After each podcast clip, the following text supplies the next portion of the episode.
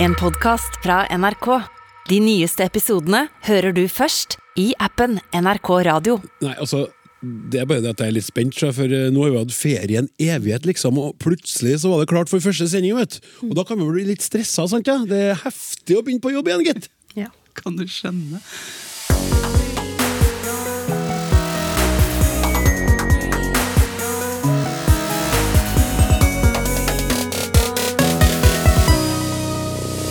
Mange av oss syns det er en uting med alle småordene som puttes inn i setninga.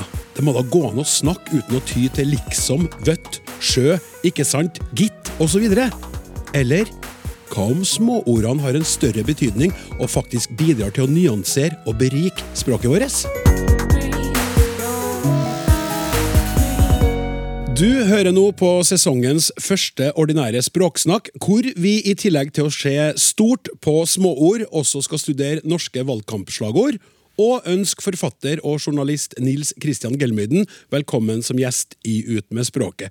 Dessuten lurer lytter Ingrid på om det er noe forskjell på å unnskylde seg og å be om unnskyldning. Vi forsøker å gi et svar mot slutten av dagens sending, men nå, se her da, gitt! Nå har vi fått besøk av ikke mindre enn to eksperter på småord i norsk. Småord, de her litt unnselige ordene som man gjerne slenger på, f.eks. i slutten av setningene. Sant, ja? Kaja Borten, du er språkforsker ved NTNU i Trondheim, og du har nettopp skrevet en artikkel om etterstilte småord. Hva er det for noe? Eh, I lingvistikken så har vi en fagterm for dette. Vi kaller disse ordene for finalpartikler. Eh, og de har noen særegne egenskaper. De opptrer for det første til slutt i ytringen. Det sier seg kanskje selv. Så uttales de trykklett. De har en fast form, de kan ikke bøyes. Og så har de relativt vag betydning. Mange funksjoner. Og så er det sånn at de historisk sett nesten alltid har opphav i et ord eller uttrykk med en mer eh, konkret betydning. Oh, ja. Så dette er eh, ja, finalpartikler eller etterstilte småord, som, som du kalte det. Og Ja. da er det jo eksempler som du allerede har nevnt. Gitt, eller jo, vet du, serru, ervon, er damma, osv. Ja. Serru, ja. Det er sånn det, det er sånn revy Det minner meg om revy. Serru, serru! Chat Noir i gamle dager. Men ok, hvor vanlig er det å bruke eh, sånne småord på slutten av setningene i dag? Tja, veldig vanlig, vil jeg tro. Eh, Alle som snakker norsk, bruker etterstilte småord eh, innimellom, vil jeg tro. Ja, det gjør det, og det er fristende å si 'ikke sant'. Eh, her, her markerer jeg enighet. Og jeg syns det er kjempefint å bruke ordet 'partikkel' eh, om, om dette fenomenet. For dette er jo det er ikke ord i den forstand at de har et betydningsinnhold. Det innholdet her det er rett og slett et innhold som forteller oss hvordan vi skal fortolke og hvordan vi skal forstå noe, mer enn et konkret innhold. Ja. Den som snakker nå, da, kjære lytter, det er språkforsker Toril Oppsal, som til vanlig er knytta til Universitetet i Oslo, men også jobber ved NTNU i Trondheim. Ser du? Ja, ser du. Ikke sant? Sjø. Eh, og jeg fikk jo, jeg fikk jo veldig sånn Abels tårn-vibber av den her eh, partikkelgreia deres, men eh, nå når dere har forklart det, så gir det jo mening også i språklig sammenheng, da. Ja. Men nå må vi tilbake på det her Du nevnte eh, eh, de ulike eller Du nevnte en del ulike Kaja, eh, sånne småord. Eh, og da er spørsmålet Er det noen dialektforskjeller eh, når det gjelder de her småordene? Altså brukes noen småord mer der enn der? Eh, Ja, eh, vi har undersøkt dette, og det er ganske store dialektforskjeller. Sånn at det er noen eh, etterstilte småord som er typiske for Østlandet, noen som er typiske for Vestlandet, osv. Så, videre. så vi har bl.a. funnet at ratt Ja. Det blir glatt i morgen. Ratt og danna er veldig særegne for Østlandet. Og det samme gjelder for så vidt også gitt og ervon. Her var det glatt, gitt. Eh, det blir sol i morgen, er vond. Ja. Er, hva sa du der? Er vond.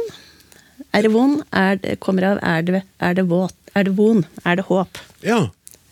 Det blir sol i morgen, Ervon. Det har jeg aldri hørt, men jeg har jo hørt eh, Ja, Toril? Ja, nei, Jeg bare tenkte på eh, Østlandet. Jeg sitter her som østlending, så jeg kan jo kanskje komme med et eksempel fra vest, vestnorsk. Oh, ja. Eh, eh, og der, Hvis jeg husker eh, den studien eh, Kaja og kollegaene har gjort, så er det vel sant og sant vel som er eh, ganske typisk for det vestnorske dialektområdet. Ja. Sant? Stemmer. Ja, sant. For jeg kjenner at det er noe jeg som østlending det, det, det faller ikke like, like naturlig for meg som eh, gitt. Nei, og kanskje okay. ingen av dere bruker sjø masse? Nei, men det er fristende. Jeg bor jo i Trondheim, og Ja. jeg har barn som snakker trøndersk. Og jeg har så lyst til å bruke sjø, men jeg, jeg tør ikke. Nei, for det er veldig mange som skal prøve å være trøndere og si da sjø ganske ofte og litt feil, og så er det trøndersjø. Liker det å være trondheimsjø. Og da blir det jo kanskje brukt litt feil. Men nå sporer vi litt av, vi må komme tilbake. Det er veldig interessant. Jeg hørte et du nevnte opp, eh, Kaja, når du li- lista opp eh, de her dialektingene, så var det det her Du sa noe dama. Dama, sa du. Mm. Er det, eh, kan jeg driste meg til å si at jeg syns det høres ut som en slektning av ama, som jeg har hørt? Ama. Det er eh, to varianter av samme, av samme ord. Ja. Eller uttrykk. Nettopp. Og det er eh, sånn innlands... Det er et innlandsfenomen. Mm. Typisk i Gudbrandsdalen, men også lenger sør. Har ikke vi et ganske snasent lydklipp som viser hvor lenge man har drevet og snakka om de her småårene egentlig, og diskutert dem med en ganske kjent person som svarer på det spørsmålet, som heter Alf Prøysen? Det har vi. Sier dere amma eller Dama? Ja, vi sa amma, vi, men det er mange som sier damma. Ja, Hva betyr dette amma? Ja, amma det. Ja, amma det er amma det, amma sa han.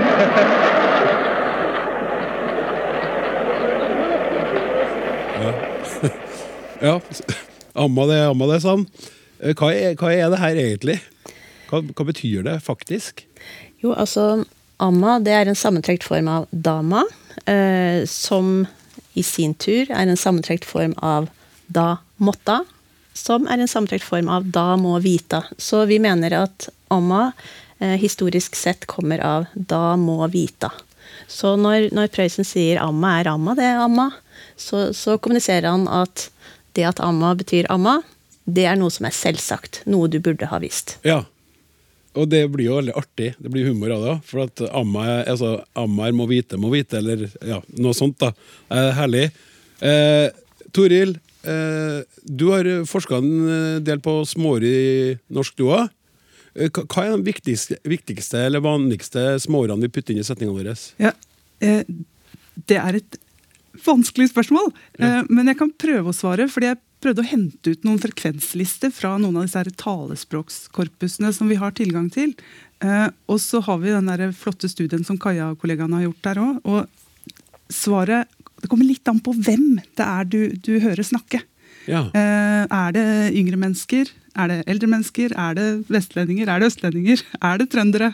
Sjø? Eh, Ja. Og jeg merker at jeg ikke kan si sjø. Eh, men noen av de orda som ligger høyt oppe, ikke nødvendigvis som finalpartikler, men, men partikler som, som dukker opp her og der, det er, det er jo. Den ligger høyt oppe. Jo sånn, men bare altså liksom nå sant, si. Der har du en ganske liste med frekvente småord. ja. Eh, eh, hvorfor bruker vi sånne ord? Eh, Jeg er veldig glad i metaforer som ikke alltid fungerer. Men, eh, men jeg vil si at dette her er lim, eh, det er trafikklys og det er parterapi. Eh, Oi. Dette her er lim i den forstand at dette her er ord som hjelper oss å koble sammen. Eh, Det hjelper oss rett og slett å lage sammenheng i det vi kaller diskursen. Altså teksten vi skaper sammen. Eh, Og det er eh, trafikklys, fordi jeg sjekker om jeg får lov å kjøre videre. ikke sant? Eh, Ja. Er du enig? Dette var gøy, gitt. Ok, da fortsetter vi. Grønt lys. Og så er det parterapi, fordi dette her er noe som gjør at vi er nødt til, og vi velger også å anerkjenne hverandres kunnskap om verden. Eh, her er det fristende å bruke små, altså språksnakk som eksempel. Um, nå veit jeg uh, Kaja er veldig glad i å gå tur på søndager. Um, og så lurer vi litt på når dette her programmet blir sendt. Så er det en stor forskjell på om jeg sier 'det er da på søndag'. Det er noe alle veit. Eller om jeg sier 'det er nok på søndag'. Da anerkjenner jeg min kontekstuelle kunnskap om at Kaja liker å gå på tur. Det er nok på søndag, dessverre. Da må Ja. vi velge mellom språksnakk og tur Ja. denne gangen. Hvis du da ikke er en av dem som liker å høre på podkast, så du kan eh, laste ned når du vil, som du kunne ha kommet som en Ja, og da kunne du sagt det er vel på søndag, eller på mandag. Eller, Ja. så, så, så alle disse, disse småårene gjør det mulig å, å regulere og bli enige om hvordan vi skal fortolke virkeligheten her og nå. Ja. Så, så dette, er, eh, dette er nyttige eh, ord som, som eh, gjør at vi kan forholde oss til hverandre. Nå ser jeg på dere. Mhm. Eh, hadde jeg vært på telefon eller ikke kunne sett på dere, så kunne jeg altså bruke språket til å sjekke litt og, og føle litt. Dette er, eh, går det greit? Ja? mhm, Eller? Enig? Ja, nettopp. Ja, nettopp! Ja, ja, ja, ja, men jeg syns det er så interessant, fordi at det, det, er, så, eh, men du, det er så små, små forskjeller, og så betyr de så mye. Det er som om eh, jeg, jeg, Det slår meg nå her, er- Nå skal jeg spørre dere om noe, da, om dere syns det her er en sånn variant. Hvis jeg sier til deg, eh, Kaja, du vet Kolbjørn, sant ja? Da sjekker jeg om du vet at jeg snakker om Kolbjørn. Men hvis jeg vet at du kjenner han sånn som jeg kjenner han, så sier jeg han Kolbjørn. Han eh, skal, eller kanskje Kolbjørn, vet du. For at da forteller jeg mer. Kan det stemme? De nyansene, er, jeg på riktig spor nå? Jeg har Absolutt. aldri tenkt på sånn. Det er veldig interessant. Og vi bytter bevisst etter et, eh, Ja. Man kan kanskje oppsummere med å si at eh, når vi, når vi kommer med en ytring, så beskriver vi et saksforhold i verden. Men så gjør vi også noe mer, og da gjerne med disse småordene. Nemlig at vi sier noe om hvordan taler ser på dette saksforholdet, eller hvordan tilhører er forventa å se på saksforholdet, eller hvordan saksforholdet knytter seg til noe annet vi har snakket om. Og det er de tre hovedfunksjonene som eh, små ord har. Det hadde nær sagt hellige treenighet. Men, men, men det er helt sant, det, det, det Kaja sier. Eh, og også tror jeg vi kan legge til den måten vi snakker sammen på, har, har noe å si. Altså det, det nivået av formalitet, eller den sjangeren, eller det at vi er i en typisk uformell samtalesituasjon, Ja. gjør at vi vil støte på disse orda. Men dere snakker jo om de ordene her som viktige nå, og i artikkelen din Kaja, så skriver du at de her eh, etterstilte småordene har blitt sett på som unødvendige fyllord. Og hva tror du er grunnen til at de har fått et sånn dårlig rykte, når vi nå sitter og forklarer hvor viktig de er for nyansene i en samtale? Det kan vi vel egentlig ikke vite, eh, men vi kan jo spekulere litt. Eh, Ja, vi må jo spekulere, ja, det er stas. Og jeg tenkte at, at en mulig grunn til det er det at vi ikke har, eller i hvert fall i veldig liten grad, har bevisst kunnskap om hva disse ordene betyr. Altså Vi kan jo bruke dem perfekt, vi kan jo tolke dem perfekt, men vi klarer ikke å forklare hva det betyr hvis en utlending spør oss. Nei. Ikke sant? Så, så den mangelen på bevisst kunnskap om hva det betyr, det tror jeg kanskje kan ha ført til en misforståelse om at de faktisk ikke har noen betydning. Men dette er ikke noe som er særegent for, for småord. Altså, det er veldig mye eh, kunnskap om språket vårt som vi har ubevisst kunnskap om, men ikke bevisst. Eh, grammatiske regler, f.eks. Ja. Men, men kan Ja. Ja, jeg, jeg, jeg er helt, helt enig med det Kaja sier. Og dessuten så er nok også dette knytta til at det er primært et muntlig fenomen. Eh, Og vi går rundt med, med en ganske sterk altså Mange av oss går rundt med et korrekthetsideal eh, som er knytta opp til, eh, til det skriftlige. Vi ser, vi ser på det som vi, vi har lyst til å slå opp i ordboka og finne et svar på hva som er rett og galt. Sånn er vi skrudd sammen, mange av oss. Men det som handler om det muntlige, det er mer Det er temporalt, det, det, det flyter, det, det er noe vi forhandler fram der og da. Eh, Og det gjør at eh, vi etterpå kan høre på noe og se på det som en skriftlig tekst, og så reagerer vi. Men her og nå, når vi sitter og snakker sammen, så, så, så er situasjonen det, det er helt naturlig for oss å kaste inn og ut disse småorda. De er helt nødvendige for at Ja. vi skal bli enige rett og slett, om vår fortolkning av verden. Og det er nødvendig for å kunne si ting ganske kjapt og effektivt. Ja. I en tekst så kan man eh, bruke side opp og side ned til å komme med forklaringer og være helt eksplisitt. I samtale gidder vi ikke være så omstendelige, og da bruker vi småord isteden. Vi skal høre på et eh, eksempel som eh, viser her veldig godt. Det er da en mamma som, skal, som steller med sin lille baby som er litt eh, trøtt. Knitrer litt i lyden i starten, men poenget kommer til slutt. Det går ganske fort, det er så lytt nøye etter nå, kjære lytter.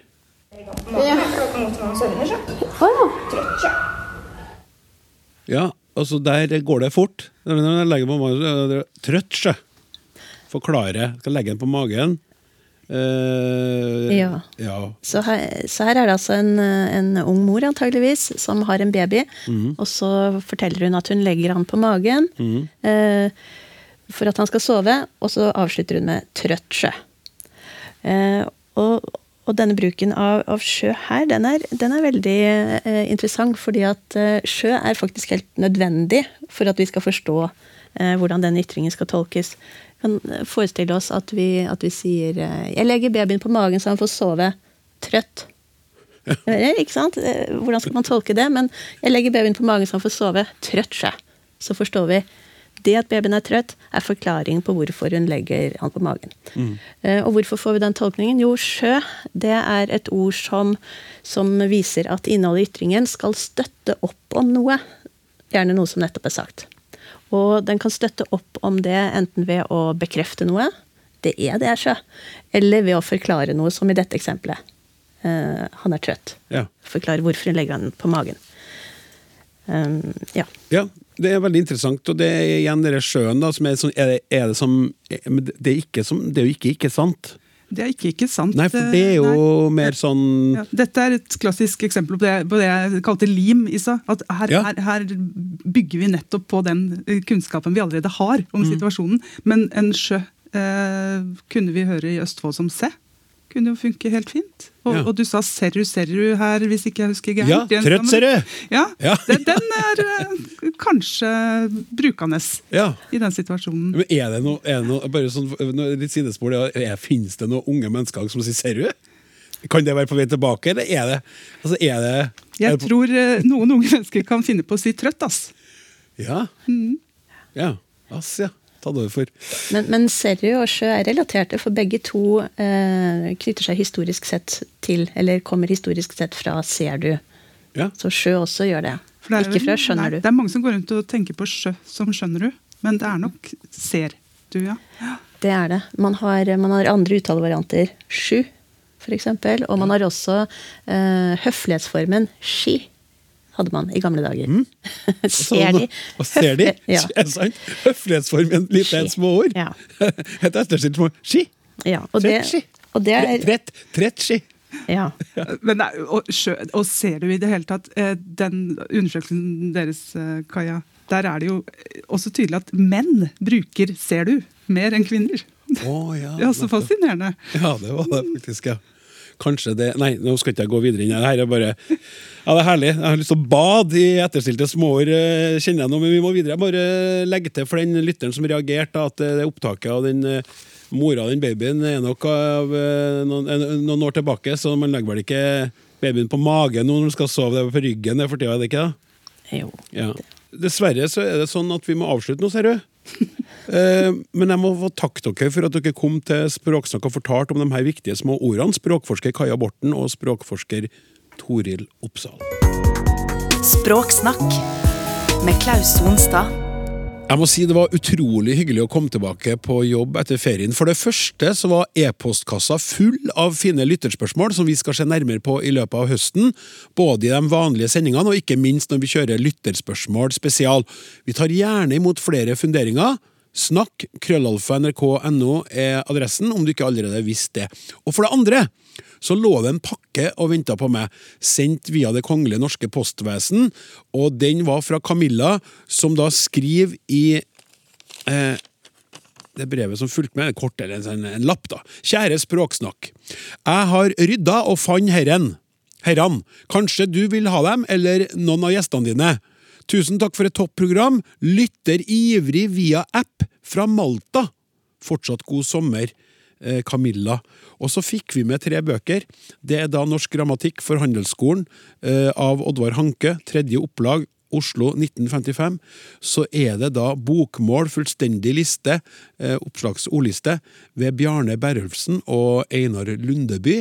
Og ikke minst Eitrem og Sandveis rettskrivningsbok fra 1938, regler og ordlister for skoler og privat bruk. Kjempehyggelig pakke å få. Tusen hjertelig takk skal du ha, Camilla. Vi bukker og takker og hilser til Malta. Jeg antar du har forhåndsstemt, siden du bor der. Ja, kjære lytter, du har sannsynligvis fått med deg at det snart er stortingsvalg i Norge. Det betyr eh, partilederdebatter, statsministerkandidatdueller, blå mot rød, grønn mot all, koalisjonskjekling, valgflesk av ymse kvalitet og selvfølgelig politiske slagord. Fra den ytterste venstre fløy til den mer til høyre, alle partier i Norge har slagord som de bytter ut med jevne mellomrom. Men hvorfor har de det? Og hva er vitsen med dem? Ikke spør meg, sier jeg da. Spør heller retoriker Jens Elmelund Kjeldsen. Jeg har tenkt å gjort noe for Jens. Du er med, du? Ja, jeg er med, ja. Ja, Spennende tider for en retoriker. Ja, veldig. Ja. Hva, hva, er det, hva er det med slagord? Hvorfor har politiske partier slagord? Det aller viktigste politiske slagordet skal gjøre, det er forenkle. De skal gjøre noe enkelt, og det de skal gjøre enkelt, det er partienes ideologi, eller budskaper eller saker, så de er veldig enkle å forstå. Mm. Og så skal de skape interesse, vekke bevissthet.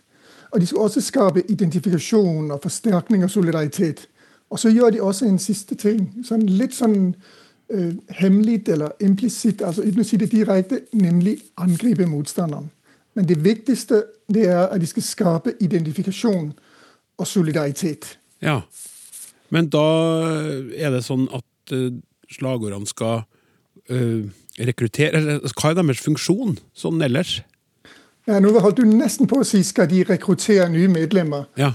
Og, og, og, kanskje vi tenker det, det, vi setter masse slagord ut, og så kommer velgerne til å tenke ja, det høres veldig bra ut, nå må jeg melde meg inn i Arbeiderpartiet. Mm -hmm. Men det er jo ingen som gjør det. Altså Alle lytterne kan jo tenke seg har jeg endret min mening noensinne pga. et slagord? Og jeg tipper svaret er nei. Mm. Så retorisk sett så er slagord formuleringer som fungerer retorisk ved å samle de som allerede er enige.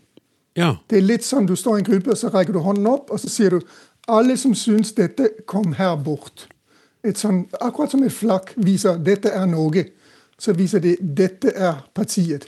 Ja. Sånn, så det er ingen slagord som får folk til å si Oi, dette har jeg aldri tenkt på. Det var ny informasjon. Nå må jeg velge et nytt parti. Det kommer jo aldri til å skje. Nei, Men, men, men da også, ok, det er da eh, Man snakker da til menigheten Ja, det gjør man. for å forsterke samholdet og følelsen av at man er på rett plass? Ja, Så, så den viktigste funksjonen sånn sett, det er å tenke, at få folk til å tenke ja, akkurat slik er det. Ja. Men hva er det da som er viktig med slagord? Sånn, sånn hvordan, hvordan fungerer de best? De fungerer egentlig Unnskyld, de fungerer egentlig som reklame. Tenk på Nikes slogan 'Just do it'. Så den appellerer til alle som tenker ja, vi må bare gjøre det. Uh, og det krever reklamen og slagordene at man gjentar masse. Ja. Altså Reklamer må si det samme igjen og igjen og igjen og igjen. Og hvis du gjør det, altså bruker slagord og sier de samme slagordene igjen, så husker velgerne dem. Det er nummer én. Det andre er at de knytter de til partiet. Hvis f.eks. jeg sier 'alle skal med', så vet du kanskje, hvis du har fulgt bare litt med, at det må være Arbeiderpartiet. Fordi de har brukt det i en mange år, og det representerer partiet, partiets ideologi. at Det ikke bare er spesielle grupper. Alle skal med. Ja. Og også den siste ting, eh, som vi kjenner også fra propaganda, det er at hvis du sier noe mange ganger nok, så vil mange ha en tendens til å tro at slik er det. ja. Så du må gjenta mange ganger, så folk husker det, føler tilknytning og tenker ja, det er sikkert sant. Mm. Eh, Men når du nå sa alle skal med, du har nevnt Just Do It, som jo kanskje også kunne, kunne vært et politisk slagord for et, et eller annet parti.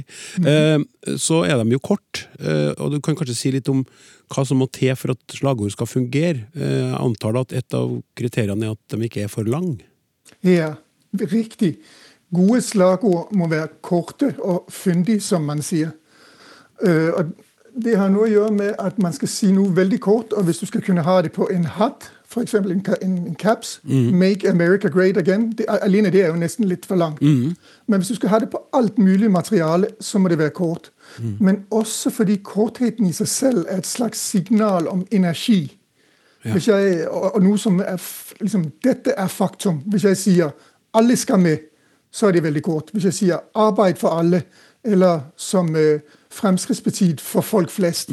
Eller kanskje det korteste som finnes i Norge. Venstre har liksom omformet Fremskrittspartiet, og så har de sagt 'folk først'. Ja. Så de korte, fyndige, og det gir en slags energi. og tenker ja, her er det noen som vil noe. Dette er fakta. Ja. Men eh, hva, hva er det sånn eh, altså, hvilke sånn, For deg som retoriker, hva, hva er det du ser som de bruker når de får til vellykka slagord? Hvilke grep gjøres i de her korte setningene? Ja, på en måte så er det bitte små, korte haiku-dikt. Liksom verdens korteste dikt. Eh, og det har noe å gjøre med at du må, du må formulere det på en måte så øret på en måte biter seg merke i, hvis et øre kan bite det. Biter seg merke i hva som blir sagt. Og det gjør man nesten alltid, eller mest ofte, med bokstavrim. Eller alliterasjoner, som det heter på, på, eh, på litteraturvitenskapsk. For eksempel Øh, Rødt har et øh, slogan har det siste har i år som heter 'Fordi fellesskap fungerer'. Veldig typisk. Tre ord. Alle begynner med samme bokstav. FFF. Ja, ikke sant? Ja. Eller Fremskrittspartiet har det tidligere som var 'Frp fornyer Norge'. Også F. Ja. Eller Ap hadde en gang som var 'Solidaritet for felles fremtid'. Her var det mye F-er. Men man kan også gjenta det samme ordet, for her var det jo bare bokstav. Eksempel kan du si, som Arbeiderpartiet gjorde for mange år siden, i 1965, nye muligheter, nye mål. ja. Sånn, så gjentakelsen gjør at øret venter på å gjenkjenne lyden. Jeg har hørt én gang, og nå hører jeg igjen. Og så er det litt gøy å si. Ja. Og da, da må vi jo over til det kanskje mest klassiske av alle, som mange har hørt før, men som er altså det her hele folket i arbeid, kolon By og land, Hand i hand. hand i hand. Ja. Ja. Og det er interessant, fordi eh, hvis man søker litt etter rim Jeg ville ha trodd det var flere rim. Nå har jeg søkt etter mange av disse slogan. Eh, Og, og det var ikke så mange, men klassikeren er jo denne by og land, hand i hand. Og da må man tenke når ble den brukt? Den ble brukt i 1933. Ja. Det er lenge siden. Og likevel så husker vi det like godt i dag. Ja. Det har også noe å gjøre med at øh, den plakaten eller posteren som bl.a. det slogan var på, var jo legendarisk. Men det endrer ikke ved at rim er veldig viktig. Er, er det andre ting? Ja, kontraster er jo veldig viktig. Ja. Øh, For eksempel så har SV hatt et som heter 'Ulike mennesker, like muligheter'. Og SV har en annen kontrast som var 'for de mange, ikke for de få'. Ja. Og Når du ser på disse kontrastene, så ser du det jeg sa innledningsvis med at man på en måte nesten sånn usynlig stikker litt til de andre. Fordi hva er det som skjer når man sier 'for de mange, ikke for de få'? Så forutsetter man noe. Ja. Og, og hva er det man forutsetter seg? At hvis vi er for de mange og ikke for de få, så må det jo være noen andre som er for de få. Fordi ellers var det ingen grunn til å si det. Og nesten alle slagord baserer seg på sånne man kaller det presupposisjoner, eller forutsetninger. Fordi de er så korte, så kan ikke de si alt. Og det er mange mennesker som angriper slagord, særlig når man spør folk i mediene hva syns de om slagordene. Så sier de gjerne ja, men de sier jo helt tomme, de sier jo ingenting. Men det er faktisk ikke helt riktig. Det du bare må være oppmerksom på, det er at de forsøker å markere en plass hvor partiet skiller seg fra andre. Så forskjellen ligger ikke i selve setningen. De gjelder i antakelsen om at noen mener noe annet. For eksempel, eh, Miljøpartiet De Grønne sier 'ta vare på framtiden'. Altså, Hvem vil si i dag 'nei, du skal ikke ta vare på framtiden'? Det var en dum idé. Ja. Det går jo ikke. Så den antar at noen andre mener ikke like mye som oss at man skal ta vare på fremtiden. Og det er jo akkurat det som er MDG. De er mer opptatt av dette enn andre partier. Ja, men da må jeg jo spørre deg når det gjelder, for da, da, da, må jeg gå over til Høyre, da, for da har du sikkert en sånn nyanse der. For Høyre har jo 'Vi tror på Norge'. Ikke sant? Gjør, gjør, ikke, gjør, gjør ikke de andre partiene det? Eller Ja. er det Høyre som da tror mest på Norge? ikke sant? Så jeg forestiller debatten, og så sier Høyre 'vi tror på Norge', og så sier Arbeiderpartiet 'nei, det gjør ikke vi'. Dette skal vi kjempe mot. Det går jo ikke. Nei.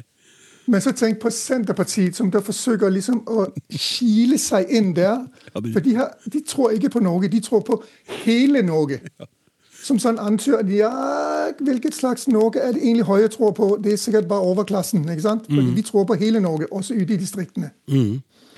Eller Partiet Sentrum, et nytt parti som er øh, kommet opp, de sier vi gir alle en mulighet.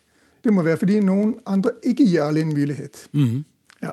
Så, så det, alle disse slagordene forutsetter at vi mener noe de andre ikke mener. Og den på en måte slutningen eller konklusjonen må du faktisk eh, trekke selv. Men, men hva syns du sånn fra ditt ståsted om de her slagordene som er verserer for tida? da? Er det noen du syns har truffet bedre enn andre, eller er det mer sånn at alle funker på sitt vis, siden de snakker til jo stort sett snakker til menigheten eller sine velgere og sånn? Altså, det, er to, det er to slagord som jeg syns er veldig gode. Jeg syns 'alle skal med' er bra. Fordi, og Det har noe å gjøre med hva skal de gjøre. Jo, Det skal samle dem som er enige, det skal markere hvilket parti er dette, og det skal uttrykke en holdning. Og Også som skiller seg litt for de andre. Og 'alle skal med' uttrykker det for Arbeiderpartiet. Vi skjønner dette er Arbeiderpartiet. Men kanskje det mest eh, vellykkede slogan i norsk politikk er 'for folk flest'. Ja. Fordi når du sier for folk flest, så vet altså om ikke ti ut av ti, så i alle fall ni ut av ni dette er Fremskrittspartiet. Ja. Pluss det, går rett inn i det som er ideologien for Fremskrittspartiet. Ja. Altså Så sent som den øh, det partilederdebatt som var i Arendal, der snakket Sylvi Listhaug jo veldig mye om eliten i forhold til folket. Ja. Så den er, øh, den er, den er kanskje en av de beste vi har hatt i, øh, som slogan, effektiv som slogan. Og den indikerer jo også det som jeg har sagt, den har en- avstand til de andre som da ikke er for folk flest. Ja. Ja, det her er jo interessant, og det, det, det er spesielt eh, sett opp mot det du sier, at det egentlig handler om å snakke til dem som allerede er, er stemmer på deg, eller heier på deg, eller er interessert i deg. Ja. Så får vi da se hvilken betydning det har for eh, valgutfallet eh, om ei lita stund. Eh, eh, men uansett, tusen takk så langt, Jens. Du skal få svar på et spørsmål om unnskyld du, mot slutten av sendinga, men Ja. nå skal vi over til ukas gjest i Ut med språket. Han er en legendarisk portrettjournalist som har blitt tildelt flere priser, men den største prisen har han betalt sjøl, etter at han begynte som gravende forfatter. Språksnakk Nils eh, Kristian Gelmyden, velkommen til oss. Takk skal du ha. Du har i løpet av eh, din eh, journalistkarriere skrevet helt utrolig mange portretter av kjente norske mennesker. Ja, det er kanskje litt for mange. Jeg tror det er rundt 600. Ja, det er mye. Ja, det er, det er nok for mye. Jeg, burde, jeg er nok sånn som finner mitt spor, og så kommer jeg ikke av sporet. Eh, altså, der eh, tror jeg vi allerede, kjære lytter, har en eh, touch av hvordan Nils Kristian Gelbyden er. For nå begynner du med, når jeg liksom trekker fram det at du har skrevet så mange portretter av kjente folk, så syns du at det er nesten for mye. Men- ja, eller, eh, jeg, jeg, du, det er jo en sjangertetthet, kan man kalle det. Ja, det kan man trygt kalle det. Men jeg hadde, jeg hadde jo, og du kan si, det er, det er ikke så imponerende å lage et greit intervju for gang nummer 600, så, så det er ikke unaturlig at man har lyst til å undersøke om det går an å få til noe annet eh, når det gjelder å sette sammen ord og bokstaver. Ja, og det har du gjort, og det skal vi komme tilbake til, men jeg vil starte med portrettene, for jeg tror en del av lytterne har, eh, en god del av lytterne har lest noen av dine portretter, og det gjorde jeg sjøl, og da jeg var eh, journalist i ja, i en annen tid, så var du et av mine Ja, ja. store forbilder. Og det var jo det, ja, det var fordi at du eh, hadde en kombinasjon av humor og ironi og en eh, usedvanlig eh, evne til å komme med gode ordspill, ikke minst i titlene dine. Det var jo en fest Ja, der. jeg, jeg, jeg vet det. Ja, Og jeg vet ikke om jeg er så glad i det som du er. Altså, jeg, jeg ble litt tvangstrøye òg, sånn at vi kan godt snakke om det. Men jeg tror kanskje det var av større betydning for meg enn for lesere flest. ja, men altså hvis du sier det, så må jeg si meg litt uenig, fordi at jeg tenker at hvis det er et ordspill der i tittelen, og portrettet ikke innfrir, så er det litt sånn ok, han brukte opp kruttet på en god tittel, og litt sånn litt eh, teksten var så der, men det som jeg ofte opplevde med de beste portrettene dine, du har jo gitt ut bøker med portrettene, så ærlig talt, noe må det være. De har jo de har jo solgt, jo, de har jo solgt jeg, har, jeg har flere i bokhylla, jeg har dem med her nå i studio. Jeg, Ja. jeg skal ikke snakke ned eh, portrettene. Nei, nei, må ikke gjøre det. Ikke- ikke Jeg er stolt av det. Ja. Men jeg tenker um, iblant, når jeg selv ser ordspill, som jo er en farsott uh, i seg selv, i, ikke minst i sportsjournalistikken og i matjournalistikken, Det kan iblant irritere meg. Det hender at det er bra. Eh, Og det er vel gleden de gangene hver 10. eller 15. gang hvor jeg har fått til en innertier. Den gleden har jeg traktet etter å gjenta. Så, så når det stemmer, når alt stemmer, når det innrammer uh, teksten på en fin måte, Ja. så forsvarer det kanskje de, de øvrige ikke fullt så treffende titlene. Ja, det, det er greit, for man kan jo ikke ha innertiere hver gang. Det går ikke an. Men Vigdis Hjort, portrettert av deg, husker du Du husker titlene dine, eller? Har, jeg har intervjuet dem flere ganger. Den ene er vel Springende hjort, tror jeg. Og så jeg, har intervjuet den to eller tre ganger. En var Springende hjort. Det var kanskje i SAS-magasinet. Men Ja, det her, tenker, hvilken tenker du på? det skrevende ord. Å ja, den, det var den siste. Det var kanskje henne. Ja, jo, jeg, jeg regner ikke den som spesielt god. Nei, akkurat. Eh, Jeg synes det var Men eh, jeg kan nevne en som jeg regner som spesielt god. Det var mm, mitt eh, portrettintervju med Eivind Reiten da han var sjef i Hydro, som det vel het da. Mhm. Eh, Da tenkte jeg på vei hjem at dette er jo en næringslivsleder som i likhet med mange andre næringslivsledere liker å gå på jakt og drepe dyr i fritiden. Og så tenkte jeg ok, han, det liker han å jakte, um, og, men egentlig gjør han det samme på jobben. tenkte jeg, Han, han overtar bytte, han overtar bedrifter, han nedlegger bedrifter, han driver på noe av den samme måten i arbeidstiden. Så jeg tenkte uh, jeger, eh, tenkte jeg, det kan være et ord. At han er jeger både privat og egentlig på jobben nå. Og så driver eh, Hydro i hele verden, eh, altså internasjonalt, eh, på en måte uten grenser. Og så tenkte jeg jeger grenser, og så ble det jeger uten grenser. Ja. Og den, ja, den føler jeg er der den skal være. Og, og det innrømmer på en måte, det setter en stemning. ja. Og så resten av portrettet igjen. Uh, og, Ja, jo, men, men, men jeg har jo tenkt Jeg har ofte brukt mye tid på tittel fordi jeg tenker jo at det du skal fange inn med ett eller to eller tre ord i en tittel, er på en måte også det alle de andre 24 000 tegnene skal gjøre. Det er samme siktemålet. Så, så det som ikke er bra nok til å bli tittel, kan du bruke andre steder i portrettet. Ja. uh, og eh, du har jo en eh, Jeg har bare funnet fram, egentlig bladd litt eh, som ungdommen sier for tida, random i en av bøkene eh, som jeg har. Samling portretter som heter 'Grepet i ord'. Det er vel tittelen fra portrettet av eh, Gro Harlem Brundtland, eh, som vi skal komme tilbake til litt etterpå. Men her har du skrevet om, eh, om Liv Ullmann, da, med tittelen 'Livs verk'. Ja. Eh, eh, og den åpner sånn. Det er sant at jeg lenge drømte om å bli fæl og fet. Nå er det endelig gått i oppfyllelse, og jeg kan ikke si annet enn at jeg trives enormt med det. Nå blåser jeg stort sett i hva andre mennesker måtte mene om meg. Befriende omsider å kunne gjengi på trykk den massive norske folkemening om Liv Ullmann. Nitrist er for svakt et ord når de brede lag skal beskrive den sjelopptatte hulkediva og hennes gråtefulle, klokketikkende tolv timer lange dødsleier av noen filmer. Ribbet for bilvelt og reale saker. Titrist er bedre. Man ser henne for seg filleklett og storgråtende i striregn, gjerne på knærne i en legderammet kornåker, med døde barn på alle kanter, og drengestuen bakenfor i lys lue. Kryssklippet kanskje med spredte glimt av forfulgte minoritetsgrupper fra hele verden. ja, altså, jeg står for den. Ja, ja, ja, ja, men for en åpning.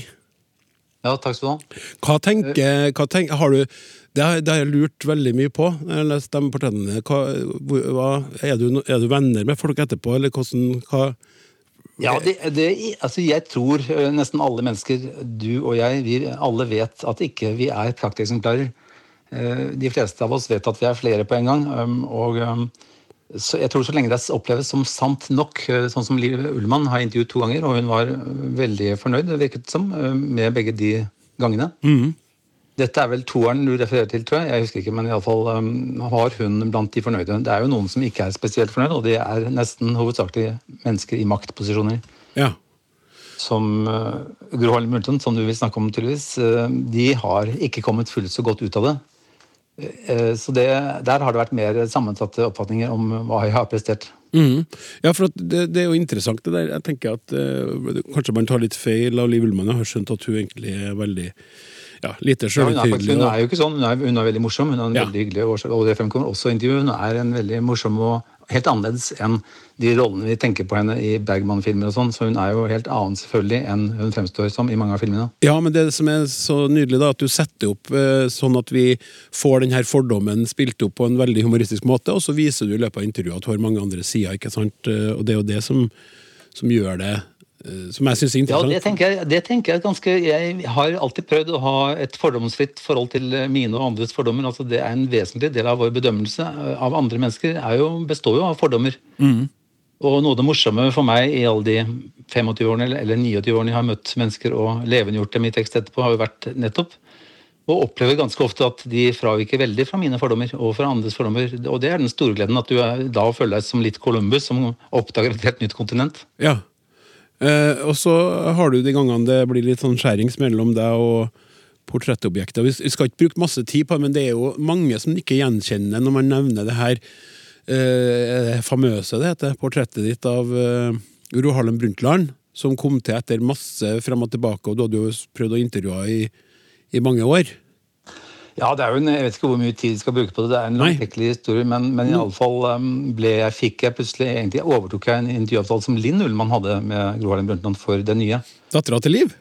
Ja, det var faktisk hun sin apropos Ja. uh, at verden er liten. Det var egentlig hennes intervjuavtale, og så sluttet hun i det nye, så jeg ble tilbudt å overta den foreliggende avtalen som Linn Ullmann hadde med Gro Harlem Brundtland. Jeg ble på en måte smuglet inn etter å ha fått avslag for farmann og sånn i syv år. Eh, Og så sier jeg bare be dere det, eller de forteller eh, at eh, det kommer en annen. Og, og så blir jeg avkrevet alle spørsmålene på forhånd, og det er et veldig absurd krav, særlig i et portrettintervju. Så er det veldig uvanlig. Av det, poenget er jo at vi kommer litt bardus på spørsmålene.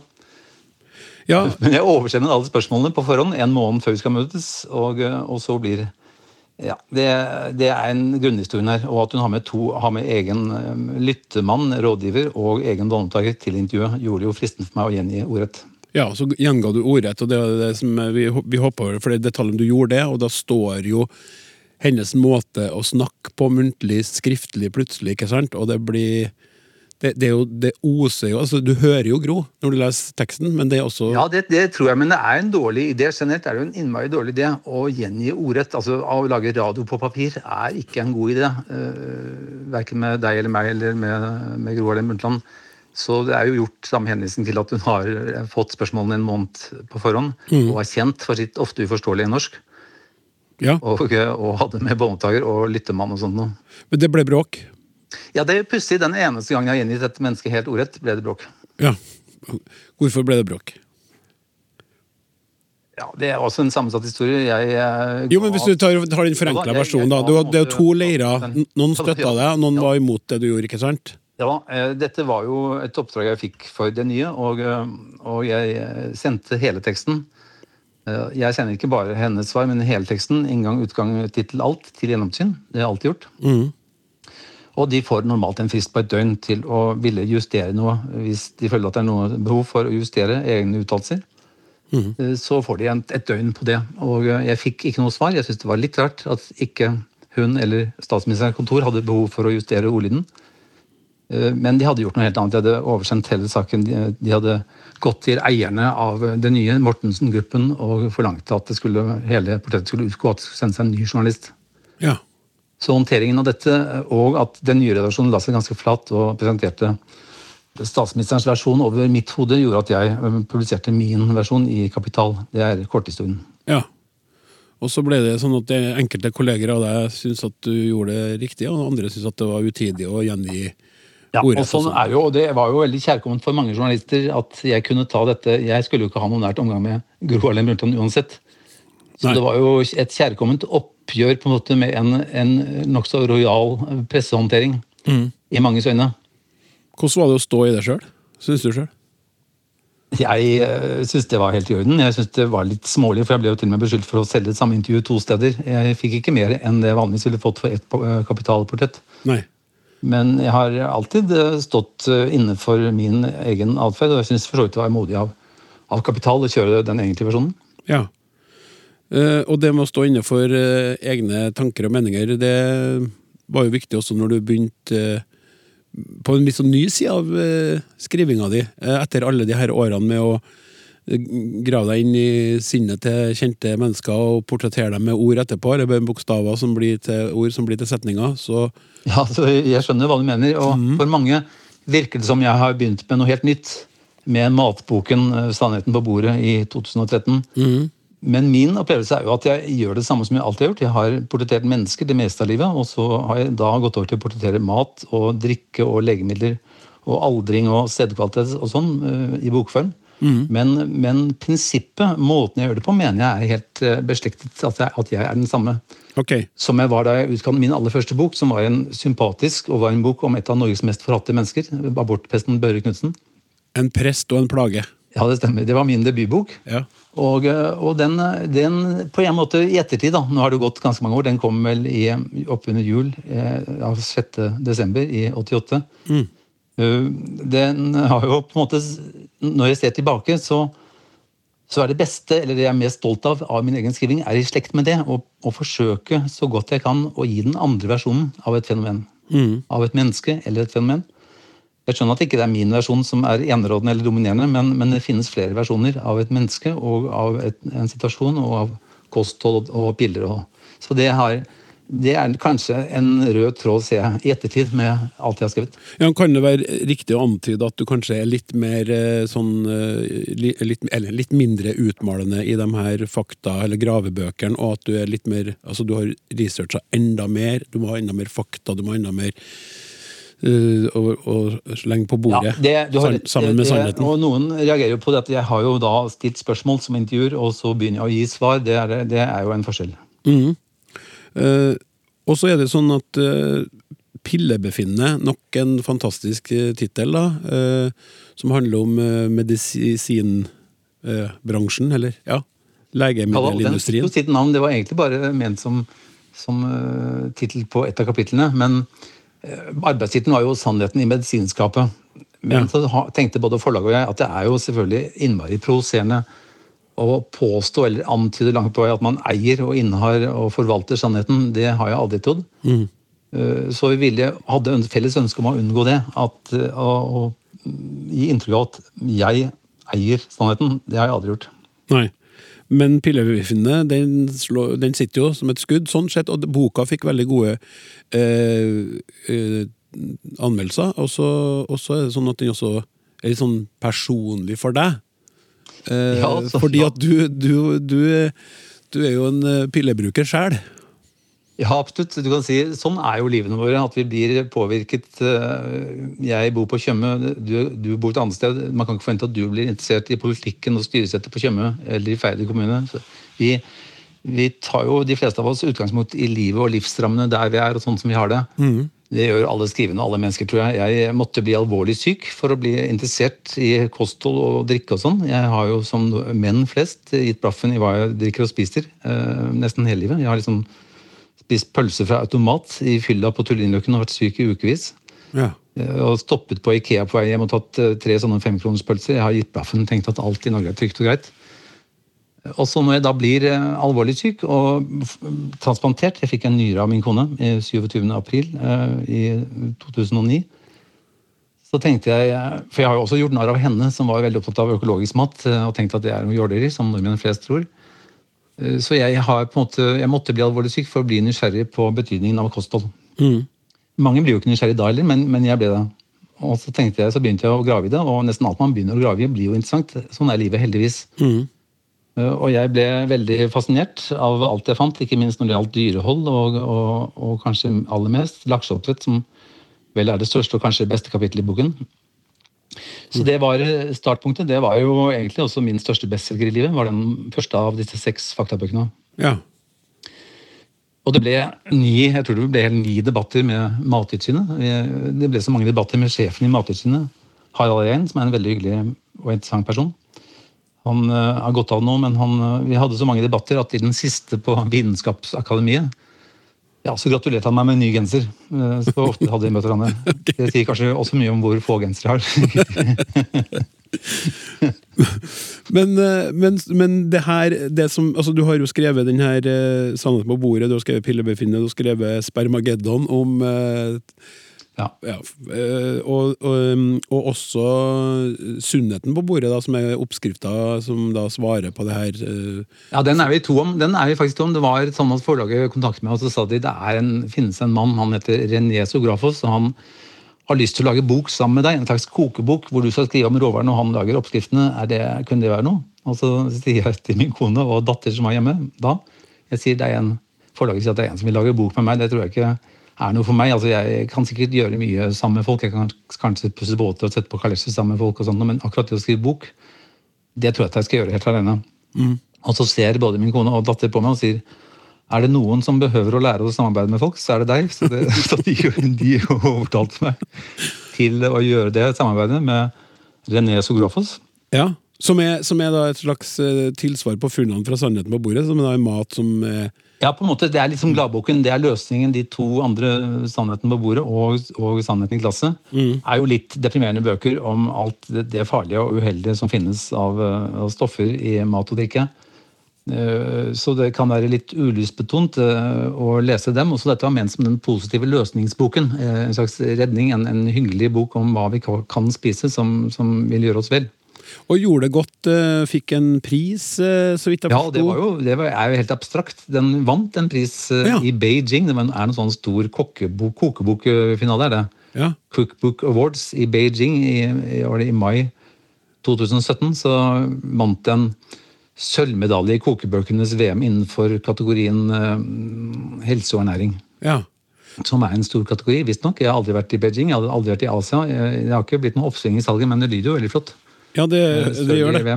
Det gjør det absolutt. Og så er det litt interessant det med å få en pris for det, for at du sier jo eh, i, eh, i eh, forordet til den siste boka di, som har tittelen 'Skrivekunstens hemmeligheter', eh, som jo da, eh, må jeg si, var litt nedtur eh, med tanke på alle de fantastiske ordspilltitlene dine, men likevel ganske tydelig hva det handler om. Lær å skrive levende. Så skriver du i forordet medvirkende til bokens tilblivelse er også at jeg har besluttet å sette punktum for min serie av samfunnskritiske faktabøker. Det har vært et svært meningsfullt arbeid gjennom syv år. Bøkene er blitt høyt verdsatt av mange lesere og litteraturkritikere. Samtidig har arbeidet med gravende journalistikk i bokform vært utmattende, des desillusjonerende og ganske nedslående. Skriver du. Ja, det skriver jeg, og det står jeg inne for. Det er ikke ment som noen sutring. Jeg har jo forsøkt. Jeg har jo skrevet seks bøker gjennom åtte år, som det står. Jeg, jeg eh, har bare erfart at eh, det koster mer enn det smaker. Det har medført eh, på en måte flere ulemper enn fordeler. Jeg har merket at det koster å forfekte minoritetsoppfatninger i et samfunn som vårt. Det, det koster sosialt, og det koster mentalt, og det koster økonomisk. Ja. Uh, og det, summen av det gjennom mange år, pluss at det jo er litt, litt deprimerende å skrive, særlig var pilleboken tung å, for meg å skrive, som har fullsatt dosett. Ja. Jeg skulle jo gjerne, jeg har alltid vært et veldig godtroende menneske. Jeg er sånn som kjøper kamera på finn.no, og så kommer aldri kameraet, så jeg har mistet alle pengene. Sånn er jeg, og sånn vil jeg helst fortsette å være. Jeg, jeg vil eh, helst stole på Mattilsynet og, og på deg og på myndighetene og på NRK, på alle. Sånn er jeg av natur. Og det, koster, det gjør også meg vondt å ikke kunne stole på Mattilsynet og Legemiddelverket. Ja, og det, det med at uh, man har en annen sannhet, at det koster. Det som jeg syns er litt interessant, det er kanskje litt sånn billig poeng, men det er sterk lesning for meg, for at du har ei bok som heter 'Ærlighetens komedie', som kommer fra min bokhylle. Det er en samling portrett av det også. Ja. Portrettdrama i 28, 28 akter. Og der Ja, der er, der er Gro faktisk med. ja, der er Gro med, men der skriver du i forordet egentlig en hilsen til deg sjøl, en advarsel til deg sjøl. For her står det i forordet på basis av mangeårige feltundersøkelser er jeg for egen del kommet frem til at ærlighet er den sikreste av alle veier til sosial isolasjon og økonomisk ruin. Folk ja, utstår, og utstår ikke å høre sannheten om seg selv eller om det samfunnet de har skapt. Stilltiende skyver man så mange sannheter som mulig under teppet. Skjønner du? Ja, dette, er, dette, er, dette er en sånn mørk tråd da, i mitt liv, antagelig. Jeg er som en sånn nattesvermer som søker mot lyset. Ja. Og som bender opp, får svidd vingene ikke sant, gang på gang, og så ikke klarer å la være. Så styrter liksom inn i stearindøden. Ja. Sånn virker det som. At eh, jeg, eh, om, det er et, dikt om det Andi Bjerke skrev, men målet er nettopp å flamme opp, selv om det ender i døden. Han har en sånn nattesvermerdikt. Jeg vet ikke. Jeg, eh, min kone, da jeg sa at jeg hadde tenkt å skrive en, bok om, en kritisk bok om legemidler og piller, så, så sa hun det er kanskje ikke spesielt lurt av deg som har en fullsatt dosett med ni piller i, døde, i døgnet for å motvirke avstøtning av transplantatet. Jeg burde lytte på henne. Ja. Eh, Jeg ville fått et bedre liv alltid ved å lytte på min kone, men, men jeg gjorde det likevel, og det tok på.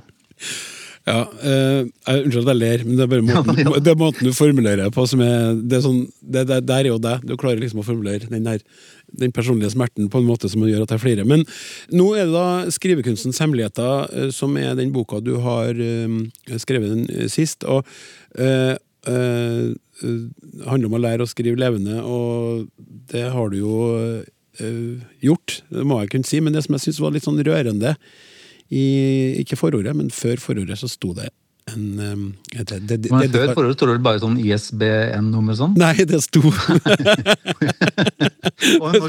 Nei, det sto 'til mor', som Ja. har lært meg mer om levende språkbruk enn de fleste andre. Ja, det stemmer. Ja, og det syns jeg var fint, og så ble jeg nysgjerrig på, på det. Ja, det, det skjønner jeg. Jeg kommer jo ikke fra et litterært hjem. Jeg kommer faktisk fra et hjem uten egentlig bokhyller. Vi har bokhyller i kjelleren med arvede ting. Men, men egentlig ikke noe lesende hjem i det hele tatt. Men mor hadde altså et, en form for muntlig bruk av norsk som gjorde inntrykk på, på meg som liten, og på alle mennesker gjennom hele hennes liv. Eh, Også i alle årene hun var sentralborddame i, i Farmann og Morgenbladet, og, og da i min brors firma Gelman Kise. Hun har altså en, en omgang med ord eh, som gjør inntrykk på alle rundt henne. Eh, om det er at hun kaller folk og sier at jeg, du, han eller hun er frekk som en flatlus. Det er et sånne, hun sa alltid at, eller kunne ofte si at eh, et eller annet menneske så ut som et lass med hoggen ved. Sånne uttrykk bestandig. Sterke bilder som sikkert gjorde Det tror jeg kan ha medvirket til at jeg tenkte at ord er skikkelige saker. Det kan brukes til ganske mye. Hva syns mor om eh, portrettene dine? Jeg er ikke sikker på at hun har lest så veldig mange av dem. Altså, hun, hadde, hun var veldig stolt av dem. Hun hadde dem i et stort tårn. Nå døde hun i april. Eh, Ja. 15. april. Eh, Så nå tømmer vi huset hennes, og blant annet tok jeg da og hentet tilbake alle de eh, egentlig 38 bøkene jeg har gitt til henne som gave i alle år, hvor det står 'til mor' og en hyggelig hilsen og sånn, og de er egentlig uåpnet sammen. Hun var ikke noen stor leser. Nei, men det var kanskje Men det, det forhindrer jo ikke at hun, at hun var stolt av det. De sto ofte i en stabel inne i stuen og sånn. Og, og jeg syns det var hyggelig um, da hun var på det siste, som hun var da boken utkom, i mars. Og også gi henne denne boken for å vise hvilken betydning um, hun har hatt for um, det jeg er blitt i livet. Ja. Eh, og den skrivekunstens hemmeligheter, eh, der eh, kommer du da med noen Ja, du avslører noen hemmeligheter da, om det å skrive, og så for dem som er interessert, så kan de gå dit for å prøve å bli bli en, Ja. Bli en jeg, Gelbiden. jeg, har jo holdt, det har vært et eventyr midt oppi alt, alt dette med disse faktabøkene. Som det er delte meninger om, som sier. Så har jeg jo fått lov til å holde skrivekurs. Først 15 ukelange kurs i Marrakech. Og så har det vært mange kurs etterpå, eh, særlig i Stavern, men også i Kvinesdal var det nå på vårparten. Det har vært en veldig stor eh, drøm for meg å få lov til å være lærer og treffe mennesker som er opptatt av å skrive, og, og gi råd. Så det er egentlig inspirert av disse kursene. Og jeg har også fått lov å bruke tekster som har blitt til på kursene. Hvordan, eh, hva, det som, hva gir deg mest med å jobbe med og, og Nei, det er, det, er noe, det er noe jeg kunne vært hvis det skulle vært noe helt annet. Eller burde vært noe helt annet, så er det nok lærer. Jeg har, jeg har nok en evne til å komme i kontakt med folk eller formidle ting. Jeg har jo egentlig undervist på journalisthøgskolen i 18 år, sånn ved siden av alt det andre. Jeg har, jeg har en veldig glede av å møte mennesker og av å formidle innsikter som jeg har gjort eh, i løpet av mitt liv. Så det, det gir stor mening. Det er, er noe annet. Hvis jeg skulle vært noe helt annet, så er det lærer. Ja, men det er ikke for sent å bli noe annet. Du er jo en, Nei, da, jo, egentlig, jeg er jo over 60 da. Ja, men hallo! I dag er det over ungdommen. Jo, men jeg får jo være lærer. Jeg skal være lærer. Jeg skal holde to kurs nå i oktober. Skal du? Ja. Ja. Det er Det er notert. ikke over. Jeg har ikke lagt inn årene. Nei, bra. Eh, ikke gjør det.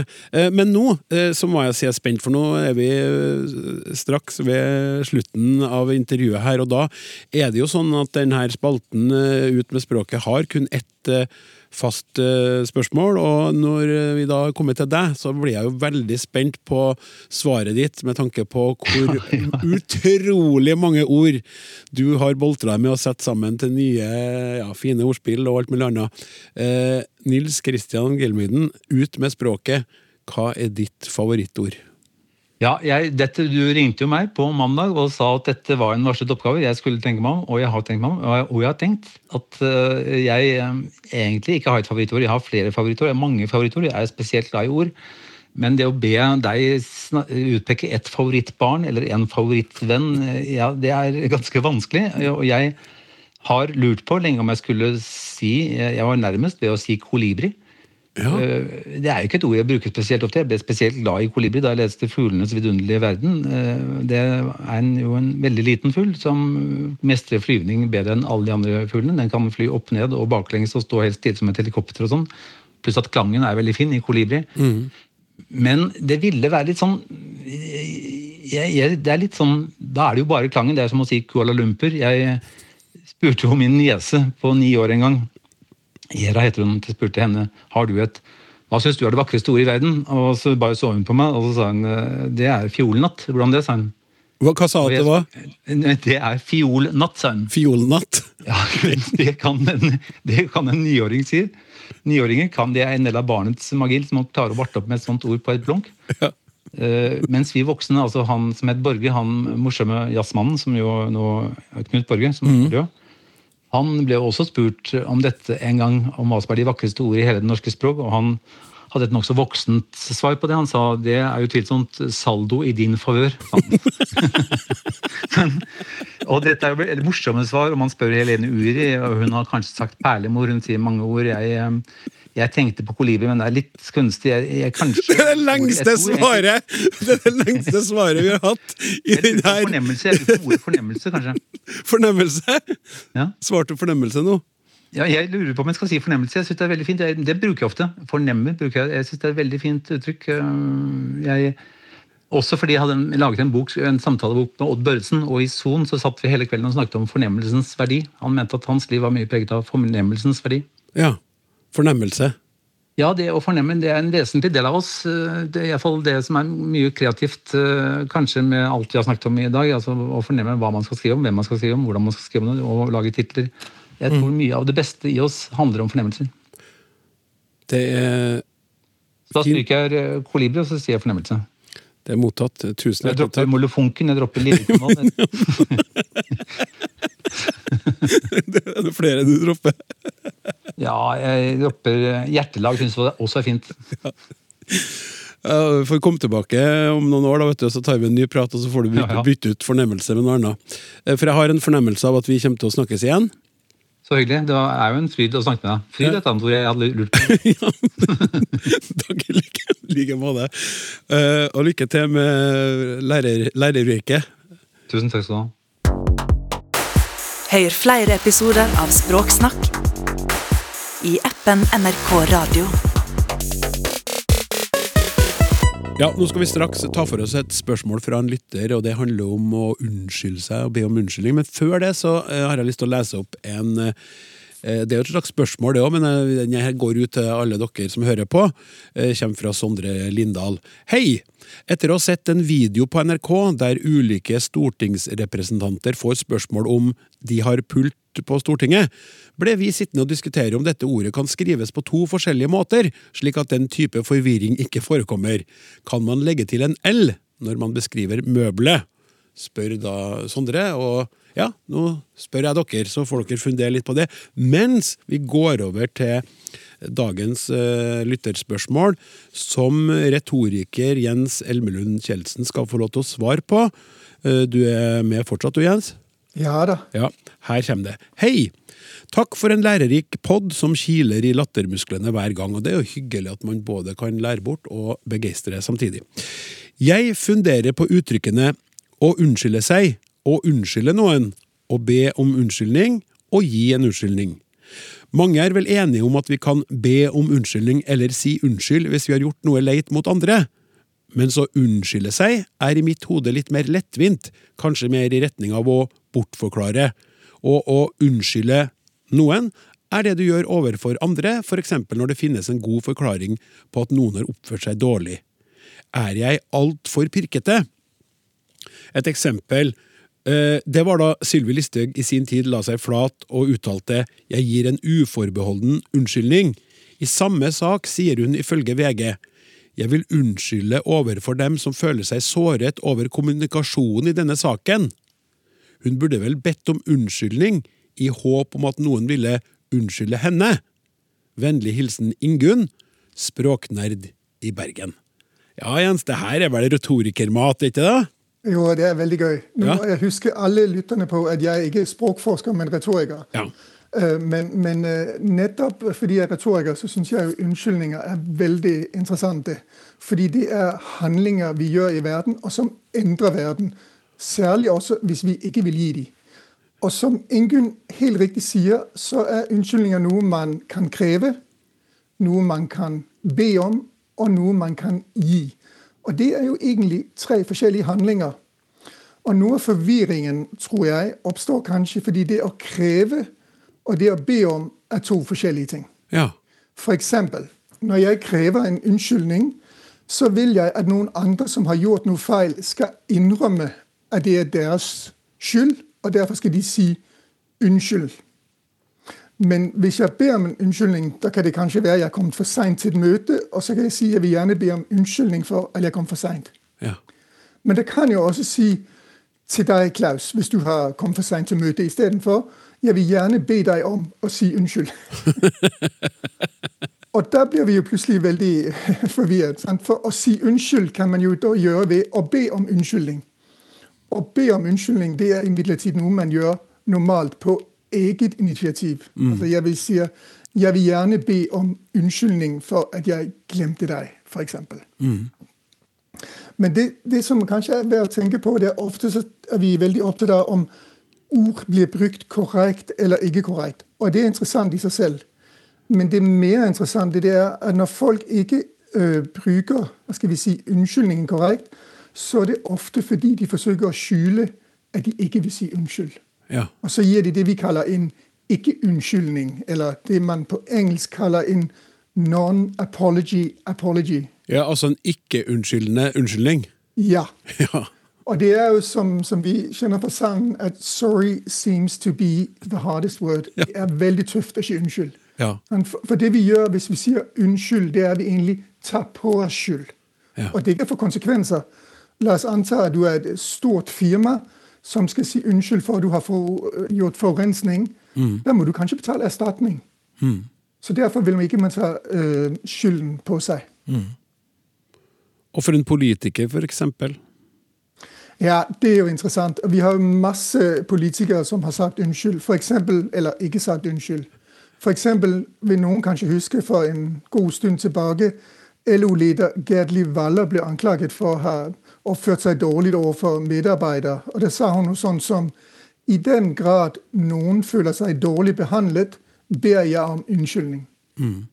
Dette er en ikke-unnskyldning. Mm. Hvorfor er det det?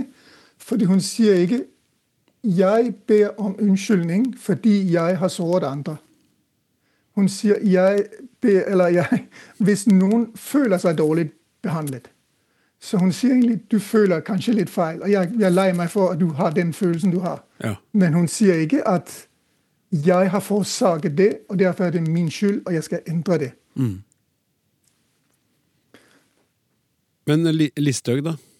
Ja, Det er akkurat det samme. Ja. Etter hun hadde sendt sin øh, Facebook-melding ut øh, om at øh, Arbeiderpartiet øh, liksom setter større pris på Nå skal jeg være forsiktig med hva jeg sier, men, men øh, hun skrev vel noe i retning av at Arbeiderpartiet var mer opptatt av terroristenes øh, rettsvern enn av den norske sikkerhet. oppsagt. Og det var jo mye baluba der, og så gikk hun på talerstolen for å unnskylde. Og den første ikke-unnskyldningen hun kom med, hun sa jeg vil unnskylde overfor dem som føler seg såret av kommunikasjonen i denne saken. ja. Tykk litt på den, du. Jeg vil unnskylde overfor dem som føler seg såret av kommunikasjonen i denne saken. Det Listhaug gjør her, er at hun skubber skylden vekk på to måter. For det første unnskylder hun overfor dem som føler seg såret. Det er altså dem som gjør, de andre som gjør noe, de føler noe. Og så sier hun ikke på det hun gjør, altså det Sylvi Listhaug har gjort, hun sier av kommunikasjonen som hun gjorde. Og hun sa også at hun la aldri til grunn noen holdninger som skulle tilsi at dette innlegget skulle tolkes på en sånn måte. Men i ettertid ser jeg at det har det blitt. Nei. Legg merke til bruken av 'skulle'. Skulle tilsi, skulle tolkes. Altså disse eh, passive konstruksjoner. Pluss jeg ser at noen har tolket det sånn. Hun sier jo nesten det er deres feil at dere er blitt fordeler forulempet av dette her. Men jeg må jo spørre deg, da, du har jo understreka at du ikke er språkforsker, men retoriker. Er det ikke her eh, retorisk sett ganske godt gjort? Hvis Eller- man skal vurdere om noe er godt gjort retorisk, så må man vurdere om det fungerer i situasjonen. Ja. Altså, Sylvi Listhaug sa unnskyld 17 ganger den dag i Stortinget. Hun var oppe mange ganger og reviderte sin tidligere unnskyldning oh, ja. på, på talerstolen. Ja. Så sånn sett var det dårlig. Og det vet vi fra mange andre politikere, næringslivsledere som skal si unnskyld. De begynner på en måte med å ikke ville innrømme det. Det er en sånn helt fast, helt fast skjema. Først så benekter de nei, dette har jeg ikke gjort. Så unnviker de ansvar. Så sier de sier f.eks.: Ja, jeg har gjort det, men det var ikke med vilje. Så sier de ok, jeg gjorde det, og det var med vilje, men det var ikke så alvorlig. Før de endelig kommer til ja, ok, jeg skal ikke gjøre det neste gang. Jeg innrømmer. Jeg beklager, det var min feil. Jeg skal aldri gjøre det igjen. Ja, altså Sylvi Listhaug er definitivt ikke alene om å, Nei, om å nei, gjøre det på denne måten. Men jeg må be om unnskyldning igjen, så jeg må avbryte. Jeg altså, språksnakk er ved veis ende. Eh, tusen takk skal du ha, både for valgkampslagord eh, saken og for eh, svaret til Ingunn. Eh, eh, Språksnakk er som sagt slutt for i dag. Neste uke så kommer Else Kåss Furuseth og er gjest i Ut eh, med språket. De som har laga Språksnakket denne uka, heter Martin og Petter og Hilde og Randi og Klaus. Vi snakkes.